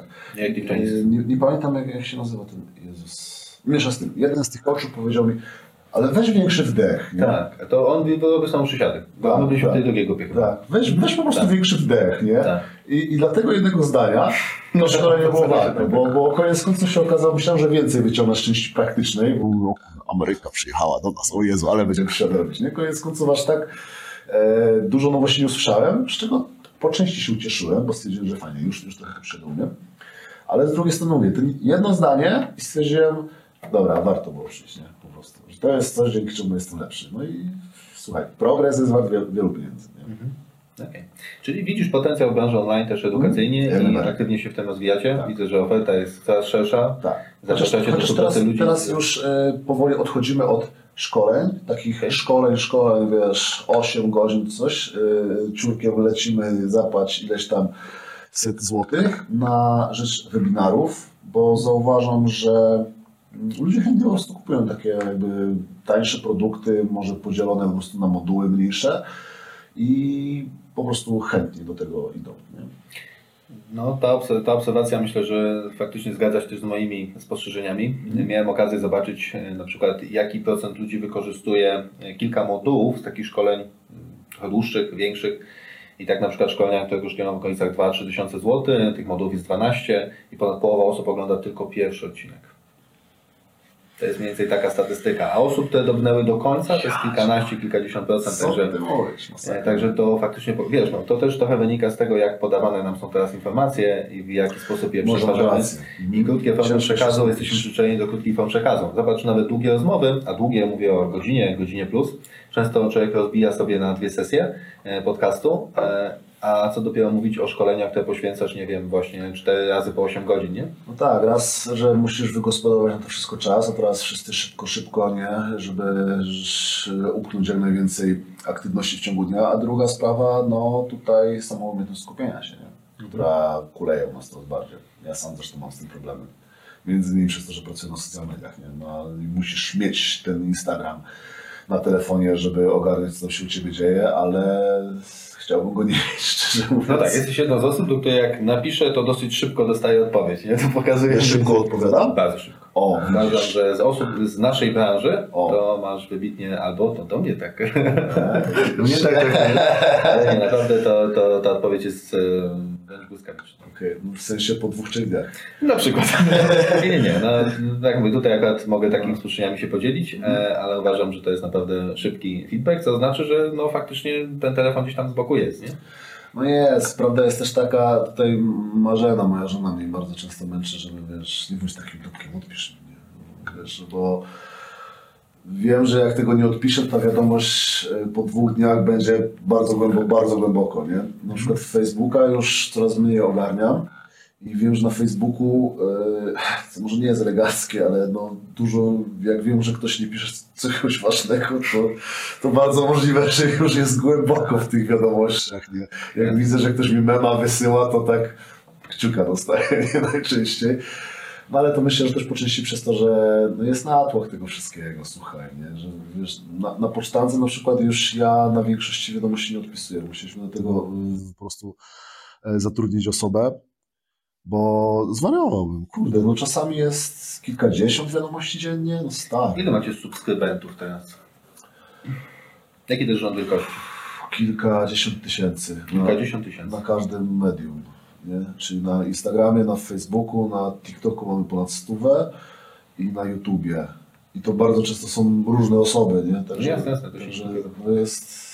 TikTok na szczęście jest bezproblemowy, bo tam, do, tam TikTok jest taki, że tam nie napiszesz wiadomości prywatnej do osoby, jeżeli się wzajemnie nie obserwujecie, więc tam spoko komentarze co najwyżej piszą. Yy, najczęściej hejtujące, to, to się wiesz, bardzo fajnie zasięgi wtedy robią. Ale te pozostałe media, no to jednak generują e, sporo wiadomości, a nie chcę zostawiać ludzi bez odpowiedzi, bo z zasady robię to po to, żeby jednak pomóc ludziom, bo podoba mi się taka, wiesz, romantyczna wizja, że pomagam ludziom być sprawniejszym i silniejszym, bo no kurde, bo to ja, nie, naprawdę. Więc jeżeli ktoś już pisze do mnie jakąś wiadomość z prośbą o pomoc i miał, mogę mu pomóc, to dlaczego miałbym tego nie zrobić? Jeżeli to jest, wiesz, nie zabiera mi jakoś czasu, który muszę koniecznie poświęcić na coś innego, a nie pieniędzy, no to wiadomo, why not, nie? Po prostu. No, mówiliśmy trochę już o samym sposobie pozyskiwania wiedzy, no bo sam mówisz, że mimo tego, że w tej branży jesteś parę lat, y, sugerujesz, że jesteś w takim momencie, że trochę już, masz poczucie, że trochę już wiesz o tym trójboju, Powolutku dochodzę gdzieś tam w końcu. ale mimo wszystko jest y, pewnie sporo obszarów, gdzie jeszcze się kształcisz, doszkalasz tam, Pewnie, że że tak. dokupujesz szkolenia i gdzie aktualnie zdobywasz wiedzę. Więc tak, sporo naprawdę analizuję tego, co się dzieje wśród moich zawodników. I uważam, że to jest najbardziej wartościowe źródło informacji, bo tak, jeżeli przeczytasz sobie jakieś badania amerykańskich naukowców albo rosyjskich y, badaczy koniecznie, bo wiadomo, nie ma innych, e, no to tam przeczytasz, że prowadzą na przykład badania na dobrze wytrenowanych mężczyznach, których przysiad oscyluje wokół 160 kg. Nie? To, to już jest pierwsze, jakie mam duże ale. Nie? To nie jest docelowa grupa, która mnie interesuje, jeżeli chodzi o badaczy, y, badanych, a druga, najczęściej takie badania są ja siedziałem w badaniach, jako że byłem na doktoracie, nie? I ja wiem, jak powinny być zrobione dobrze wykonane badania, takie naukowe, i czytam później te badania sportowe, to ja się czasami za głowę łapię, nie? Że na przykład nie masz w ogóle porównanej techniki wykonywanych ćwiczeń. No, Jasne. Jak te, ja jestem w stanie To też zrobić- zawsze budzi moje wątpliwości. ja jestem w stanie zrobić przysiad, w którym będę pracował głównie czwórkami, albo przywrócicielami, albo tak. prostownikiem, wiadomo, nie? Bo, bo wszystko możesz zrobić prostownikiem, jeżeli zrobisz je wystarczająco źle. E, I to będzie ten sam przysiad. I to będzie jak w tych samych badaniach wzięte jako przysiad. Co, Jasne, jasne. Ja mam dokładnie podobne wątpliwości i mój mentor właśnie Charles Poliquin zawsze to powtarzał, że badania fajnie jak potwierdzają to, co ja już wiedziałem Tak. i to, co zaobserwowaliśmy na siłowni. Ale mówi, nie ma się co ani ich słuchać, ani na nie czekać, tylko robić swoje. Tak, tak. I robiąc swoje, wyciągniesz wnioski po prostu. Bo ja mogę obserwować, jaką technikę mają ci ludzie, wiem, co oni jedzą, wiem, czy są na bombie, czy nie są na bombie, wiem, czy się na przykład stresują w życiu prywatnym i coś im nie pójdzie na treningu. I wiesz, po prostu jeżeli masz takim odrobinę drygu analityka danych, powiedzmy, a to nie, musi, nie musisz być super mózgiem, ale po prostu umiesz obsługiwać Excela i rozumiesz, że ten wykres poszedł do góry albo poszedł w dół z jakiegoś konkretnego powodu, no to wyciągasz dane. I powiem Ci, że z tego się chyba ostatnimi czasy uczę najwięcej, chociaż może nie będzie to jakoś super satysfakcjonująca odpowiedź, bo, bo ludzie tutaj by pewnie chcieli e, podłapać jakieś źródła danych, ale no wydaje mi się, że to są najbardziej wartościowe rzeczy. A druga sprawa, no to chyba webinary na różnych takich portalach dla e, fizjoterapeutów. Bo z tego na chwilę obecną najwięcej uczę się na temat tego, jak się zachowuje nasze ciało, na temat właśnie jakichś takich e, różnych konkretnych struktur w naszym ciele, na temat e, stabilizacji, na temat przewodnictwa neuronowego, czegoś, e, czegoś w tym stylu, nie? Bo powiedzmy, jeżeli chodzi o sam trening siłowy, no to no, nie chcę tu jakoś brzmieć, że mam strasznie wysoko ego, ale no ciężko mnie zaskoczyć po tylu latach, no bo co, znajdę nowe ćwiczenie od kogoś, no super, nie? Ale na, ja jestem na etapie, gdzie ja po prostu czasami wymyślam ćwiczenie, bo już rozumiem ruch, nie? najzwyczajniej na świecie i mi nie jest potrzebne kolejne, nie wiem, że jak sobie złapię rączkę inaczej, to najszerszy lepiej zapracuje, no to nie jest mi potrzebne, nie? Także na chwilę obecną, no właśnie jakieś portale dla fizjoterapeutów, wydaje mi się, że ty... Masz wrażenie, że właśnie te światy się strasznie mocno zazębiły w ostatnim czasie? Tak, i bardzo mnie to cieszy. Bardzo mnie to cieszy, bo wydaje mi się, że fizjoterapeuci potrzebują więcej zrozumienia ruchu, a trenerzy potrzebu- potrzebują więcej zrozumienia ciała. I na szczęście to się w końcu gdzieś tutaj zaczyna no, zazębiać i ludzie znajdują wspólny język, żeby się porozumieć. Co moim Więc zdaniem- coraz więcej fizjoterapeutów trenuje. Mhm. I coraz O, w więcej- końcu. I coraz więcej osób trenujących jakby widzi y, zasadność w ogóle fizjoterapii i wykorzystywania y, fizjoterapii. Mówię o zabiegach, Tak. y, mówię o w ogóle myśleniu o tym, czym jest ruch, jak możemy ten ruch wspierać, pomagać, uczyć się go. Mhm. I te światy się fajnie przenikają. Tak, tak, no słuchaj, no jak dla mnie to jest must have, nie? To już się skończyło na szczęście te czasy, że fizjoterapeuta to był dla starej baby, co się przewróciła na schodach, nie? To już coraz więcej osób rozumie, że jak chcesz, żeby twoje ciało działało poprawnie, no to czas do czasu warto się przyjść do fizjo, żeby coś tam rozbił, rozgniótł, rozmasował, czy zaczarował tak, żeby po prostu było ok. Robicie dużo projektów online, ale jakby byliście też pionierem. e, Ruszyliście z projektem, projektem, inicjatywą też takiego spotkania, konwencji, e, czegoś na kształt wykładów, e, które grupuje właśnie trenerów i osoby ze świata sportu i dostarcza taką wiedzę na żywo podczas prelekcji wykładów. Powiedz mi, co Cię motywowało, żeby z takim projektem ruszyć? Chcieliśmy poznać trenerów z Polski. Po prostu. To, to była nasza motywacja. Chcieliśmy wyjść troszkę poza swoją bańkę, bo no wiadomo, tutaj każdy w internecie gdzieś tam się poruszając stwierdza, że kogoś lubi, kogoś nie lubi. I tak czasami to się, wiesz, uczy i po latach nawet w sumie nie wiesz, czemu go nie lubisz, czemu nie lubisz, ale tam trzy lata temu czytałeś coś, że on napisał głupiego i już go przestałeś lubić, nie? I stwierdziłem, że no, jest dużo dobrych trenerów, kumatych ludzi w Polsce, którymi nie mam kontaktu, bo coś tam słyszałem, że on kiedyś powiedział, że to tamto, a może ja go nie lubię z jakiegoś dziwnego powodu. I stwierdziłem, że nie, no kurde, ja już jestem za stary po prostu na takie akcje, żeby wiesz, się przyjmować takimi rzeczami, że, że nie wiem, ktoś kiedyś napisał niepoprawnie coś o martwym ciągu, więc ja go nie będę słuchał. Bo jeżeli widzę, że jego zawodnicy odnoszą jakieś sukcesy, to niekoniecznie mówię, że to są, muszą być trenerzy z trybu siłowego oczywiście, bo akurat e, jeżeli chodzi o, o progres Akademii, no tam braliśmy trenerów praktycznie ze wszystkich dziedzin, jakich tutaj możesz wymyślić. No to zaprosiliśmy jak najwięcej osób z poza tej naszej bańki, żeby po prostu ich poznać, żeby się wymienić informacjami, żeby być może nawiązać jakieś nowe współpracę, a przede wszystkim, żeby się czegoś nowego nauczyć. I taka była nasza idea, a przy okazji, żeby też yy, przekazać ludziom jak najwięcej wiedzy. Bo to akurat nie był projekt yy, robiony ze względów zarobkowych, bo nie zarabialiśmy na nim prawie wcale. Na pierwszym edycji zrobiliśmy chyba po 300 zł. Grubo. Grubo, tak, tak. No, jak Było na zdjęcie dla Marzeny? jak na, cztery, jak na cztery, cztery miesiące pracy, grubo, nie? E, Drugi trochę lepiej, ale to, to też nie były dziesiątki tysięcy, umówmy się. E, No i tyle. No i według mnie projekt e, spełnił swoje założenia.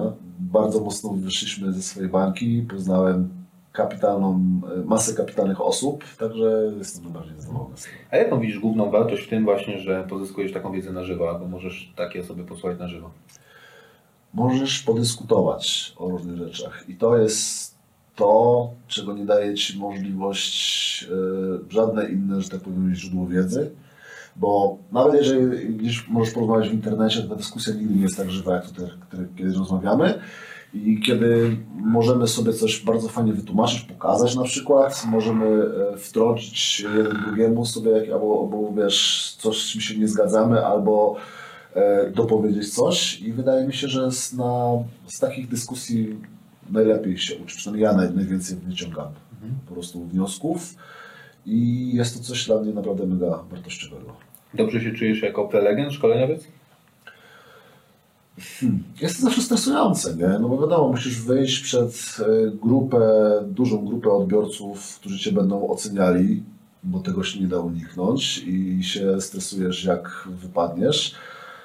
Ale no, nie paraliżuje mnie to jakoś. Nie jest to powiedzmy moje ulubione e, źródło, znaczy źródło, nie, mój ulubiony rodzaj wystąpienia, że tak powiem. Ale okej, nie, nie, nie, nie jest to nic strasznego dla mnie. Cieszę się tym, że mogę się po prostu dzielić wiedzą i jak ktoś tylko zyska coś na tym, no to super, nie? A być może ja też się czegoś nauczę od kogoś, kto będzie i to już w ogóle zajebiście. A masz coś takiego, czego nauczyłeś się w ostatnim roku, czym chciałbyś się podzielić? Coś, co zmieniło Twoje wyobrażenie o treningu, albo coś, co było taką ewolucją? Dużo rzeczy, powiem Ci, bo to jest to, że właśnie, w- tak mówię, w ostatnim roku powolutku składałem sam siebie do kupy, po czy to jakichś przeżyciach zdrowotnych, czy po jakichś kontuzjach. Yy, No bo tak jak mówię, miałem... jakiś czas temu byłem trochę silny, ale byłem trochę silny po tym, jak przez lata źle dźwigałem, co się oczywiście skończyło tak, że się bardzo mocno popsułem, więc musiałem się poskładać do kupy, podkręcać, ponaprawiać i teraz wydaje mi się, że jestem na takim etapie, że jakby mogę zacząć trenować od poziomu zera Jasne. e, i mogę w końcu sobie zacząć progresować. I w międzyczasie jak doszedłem do takich wyników powiedzmy moich niemalże życiowych, to zacząłem fajnie rozumieć ruch, bo ta praktyka na dużych ciężarach połączona z teorią mm, zaczerpniętą od różnych fizjoterapeutów, o, wiedzy o tym, jak poprawnie ustawić swoje ciało i wykorzystać je do tego, żeby podnieść w bezpieczny, a tym samym sposób i efektywny sposób, e, no, zaskutkowała tym, że niesamowicie lepiej rozumiem ruch. To jednak jest ta, to, o czym mówiliśmy, że praca na dużych ciężarach, kiedy jesteś kumatą osobą, pozwoli Ci wyciągnąć niesamowite wnioski i zoptymalizować ten ruch tak, że no, po prostu no, czujesz go lepiej, jest on bardziej Masz efektywny. feedback w, w postaci tego, jak czujesz dany ciężar i czy bój się udał i z jaką prędkością, więc Tak. no, ciężko o lepszą naukę, tak? I, czy, I czy coś Cię później boli, czy Cię nie boli. Także masa jest takich rzeczy, naprawdę gdybyś miał wymienić jedno, Największe wow to chyba właśnie e, ta stabilizacja centralna, którą zresztą będę chciał się powiedzieć. Nie? I wydaje mi się, że to jest takie coś, co jest bardzo mocno niezrozumiałe przez ludzi, albo przynajmniej było, bo teraz już powoli to się mm, zmienia, że wiesz, dawniej było napnij brzuch, nie? ale jak ten brzuch napiąć, kiedy, wiesz, co dokładnie zrobić, co, co, co to jest ten brzuch, jakie mięśnie, jakie mięśnie jak napiąć, jest tego dużo, nie? Jasne. A do tego dochodzi jeszcze samo ustawienie segmentalne kręgosłupa, kiedy co to dokładnie jest neutralne ustawienie kręgosłupa, jak je znaleźć u osoby, jak znaleźć neutralne ustawienia u, u kręgosłupa u osoby, która jest w pozycji do martwego ciągu, kiedy ma wypiętą dupę, nie? Czy ona jest już w przeproście, czy jest jeszcze w neutralu, jest tego cała masa, nie? Do tego jeszcze wiesz, gdzie masz być ze środkiem ciężkości, dlaczego jedni w trakcie ruchu uciekają napięty, inni nie uciekają, nie? Ogrom. Ogrom, nie? I mam nadzieję, że tutaj na, na swojej prelekcji zresztą część przynajmniej tego pokażę. Ja jestem bardzo zadowolony, yy, bo tak mówię, ostatnio po prostu podopinałem dużo rzeczy treningowo u siebie, tym samym też u wielu moich zawodników, których, którzy potrafili dorzucić dosłownie w ciągu paru tygodni do przysiadu 40 kg. I Na takim poziomie wytrenowania wysokim. i tutaj mówimy powiedzmy z poziomu 200 coś na 300 coś potrafili dorzucić. Tylko i wyłącznie na tym, że się skupiliśmy, mm, tylko i wyłącznie w taki sposób, że się skupiliśmy na stabilizacji y, segmentalnej ich ciała. Także No, dałem pełną dowolność w doborze tematyki, bo wiedziałem, że wybierzesz coś, co będzie raz atrakcyjne dla słuchaczy, dwa bardzo wartościowe merytorycznie. Nie ukrywam, że ten temat mnie zaciekawił. No, do tego tematu można podejść na kilkadziesiąt, set sposobów. E, No myślę, że tutaj największą wartością dodaną będzie to, że będzie to w kontekście w ujęciu pod sporty siłowe, czyli to, co dla trenerów e, jest takim poprzednim chlebem i to, z czym przychodzi nam na co dzień pracować. E, To żeby za bardzo też nie, wiesz, nie spoilerować tego, ale, ale jak widziałbyś e, e, takie warsztaty i czego my jako trenerzy możemy się od Ciebie nauczyć na takim wystąpieniu? Na pewno, na pewno będzie trochę teorii. Na pewno będzie trochę teorii na temat tego, jak działa nasze ciało, dlaczego ta stabilizacja jest ważna. Czyli wyjdę od taśm nie e, anatomicznych, ale od taśm kinetycznych, bo bardzo dużo pracuję na taśmach e, pana Szwarca, które uważam za kapitalne, jeżeli chodzi o zrozumienie ruchu.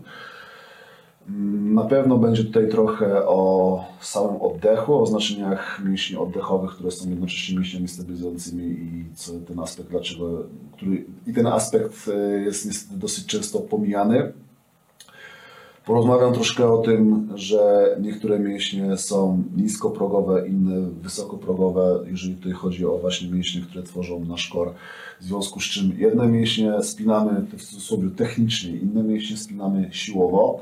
No i pokażę, jak to wygląda w praktyce już. Nie?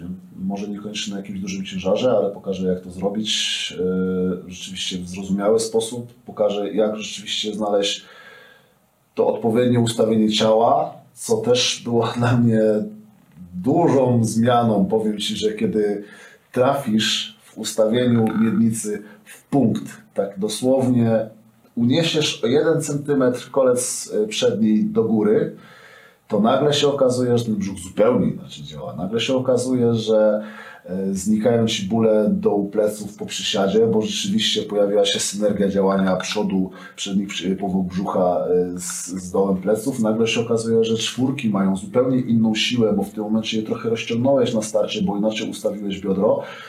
I no, te takie drobniutkie szczególiki, które sprawiają, że Twój wynik pójdzie o parę procentów w górę, dla sportowca są niesamowicie ważne i sportowcy właśnie muszą mieć wymasterowane te najdrobniejsze szczególiki.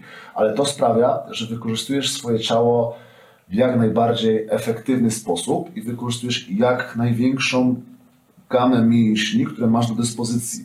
A to znaczy, że wykorzystujesz po prostu swoje ciało w pełni swojego potencjału, czyli wykonujesz ruch po prostu bezpiecznie, nie? Bo tak jak powiedziałem, każdy ruch może zrobić prostownik, nie? jeżeli zrobisz go wystarczająco źle, ale jeżeli wykorzystasz do tego jeszcze kilkanaście innych grup mięśniowych, które cię ustabilizują, to ten ruch na pewno będzie bezpieczniejszy. Nie? Czyli jednym słowem każdy dorzuci 40 kg do przysiadu. Tak? Ale co najmniej, co najmniej. I to bez WCA. Nie, bardzo dobra zachęta. tak jest. No dobrze, Rafał, trzymam Cię już tutaj dosyć długo. Yy, Myślę, że z tych tematów, których poruszyliśmy, to była pierwsza okazja, żebyś mógł się trochę uzewnętrznić i opowiedzieć o nich szerszej audiencji. A myślę, że wiele osób było ich bardzo ciekawych. E, Bardzo się cieszę, że to Ty byłeś pierwszym gościem w tym programie. Dziękuję bardzo jeszcze I raz. co, jeżeli chcielibyście pogadać z Rafałem na żywo, to zapraszamy Was do Łodzi już 12 maja, w niedzielę. Mhm. Tam Rafał będzie miał swój wykład i będzie można poznać go na żywo, zadać mu też pytania, no bo po wszystkim mamy taką sesję Q&A. Także Tak, będzie powiem okazja. Ci, że na ten panel dyskusyjny najbardziej czekam. Ja też. E, Bo my będziemy też między prelegentami dyskutować, tak? Y, Będzie taka okazja, będzie taka przestrzeń, że będzie można to zrobić, ale y, takim gwoździem programu to będzie właśnie nasz wspólne, e, wspólny czas wspólny, gdzie e, uczestnicy będą mogli spokojnie z nami dyskutować i uważam, że to będzie naprawdę coś ciekawego. Dobra, spoko. Jak- Jak coś będziecie mieli opcję zrobić właśnie, żeby na przykład rzucić jakiś temat, żebyśmy my między sobą go dyskutowali na scenie, Dokładnie. nie? O, no to to jest, to jest Dokładnie. coś, co moim zdaniem ma kapitalną wartość, nie? Ja też tak uważam. No, także czekam na to. Czekam. Konfrontacja trenerów siłowych. Najlepiej. Dzięki za zaproszenie. To ja dziękuję.